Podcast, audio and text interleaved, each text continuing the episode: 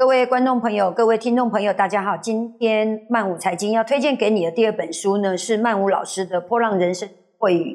这本书呢，是在二零零二年的时候由非凡出版社所出版的。那这本书呢，目前为止已绝版了。我事隔二十年呢，再重新把它拿出来，内心还是充满了非常多的感动跟激动哦。我在这本书里面呢，我提到了从股票投资里面体会人生。再把人生的道理用在投资股票上，人的一生呢，也被也可以被比喻成为股票。你要做绩优股还是水饺鸡蛋股？那么全凭你个人对生命的意志力。如何利用波浪来扭转自我的人生？如何从空头市场变成多头市场？这本书讲的都是这一些东西。那么这本书呢，我用了一些例子。那你现在已经完全买不到了，有一点可惜。可是呢，我尽可能把书的精髓讲给你听。例如说呢，人的出生就是开始在股票市场挂牌。那么人的最高价呢，就是你的巅峰价；人的最低价呢，就是拉得起来，就是下影线。最高最低不重要，重要的是收盘。我们都希望能够收盘收得高。把人生的 K 线变成一根大长虹，好，于是呢，这里面讲了波浪理论，再把波浪理论呢跟人生的生涯图全部做 match。例如说，假设呢你的人生是空头市场，那么你必须要先设法成功一次，你设法成功一次，你就可以破底，然后变多头市场里面的。多头股票如何想办法成功一次呢？人生有三次大运，如何利用三次大运能够让自己大赚？会不会小赔？当然也有小赔，那就是波浪理论里面的二跟四的整理。你必须在每一个波段的崩盘要能够躲过，躲过了崩盘，你就有能力从低档再重新出发。你。就是一档股票，你没有办法决定你的挂牌价，因为就如同我们没有办法决定我们的父母是一样的。你的人生可以开低，但是绝对不能收低。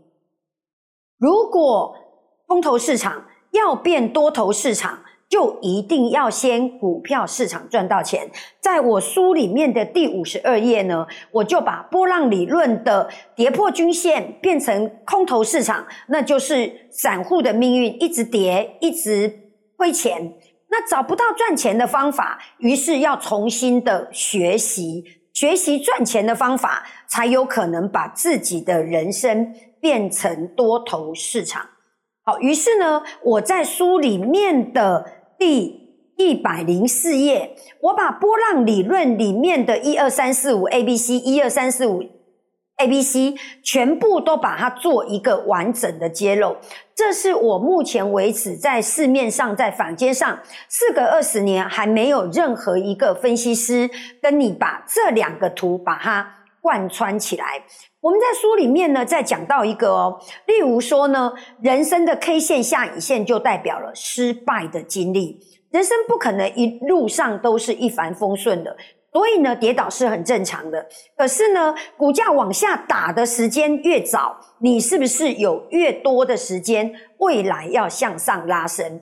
这个很有道理哈。我们盘中四个半小时，假设前面的一个小时就是你的年少，假设中间的第二个小时。就是你的壮年，到了第三个小时的时候，你要想办法穿过平盘拉，开始往涨停板迈进。好，于是开始来了，二跟四的回档发生在一跟二，那最好的，因为我们希望开低走高，我们希望开平走高，非常有意思。我在书里面的第。两百一十二页呢，还提到了，例如说，先赚一波，未来再吐回去一点，未来再找到一个大标股，然后呢，可能人生随着岁月会有一点挫折，不管是在事业，不管是在婚姻，不管是在人身上，那你要如何能够让自己保持旺盛的战斗力？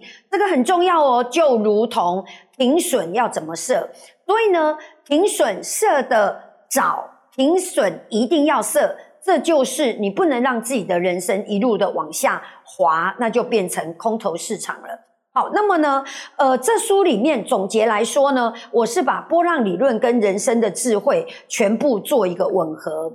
我用这句话来作为今天节目的结论，叫做由波浪看人生，由领悟生智慧。唯有不断步入思维里面更高层次跟境界，才有可能从容面对人生里面跟股票市场的风风雨雨。波浪转折，希望你喜欢这一集的节目。您的按赞数对我们非常的重要，因为有您的按赞数呢，我们就更有勇气、更有努力的动力，把未来的二三十本著作全部一系列做完。感谢您的收看，我们期待下一集再见，拜拜。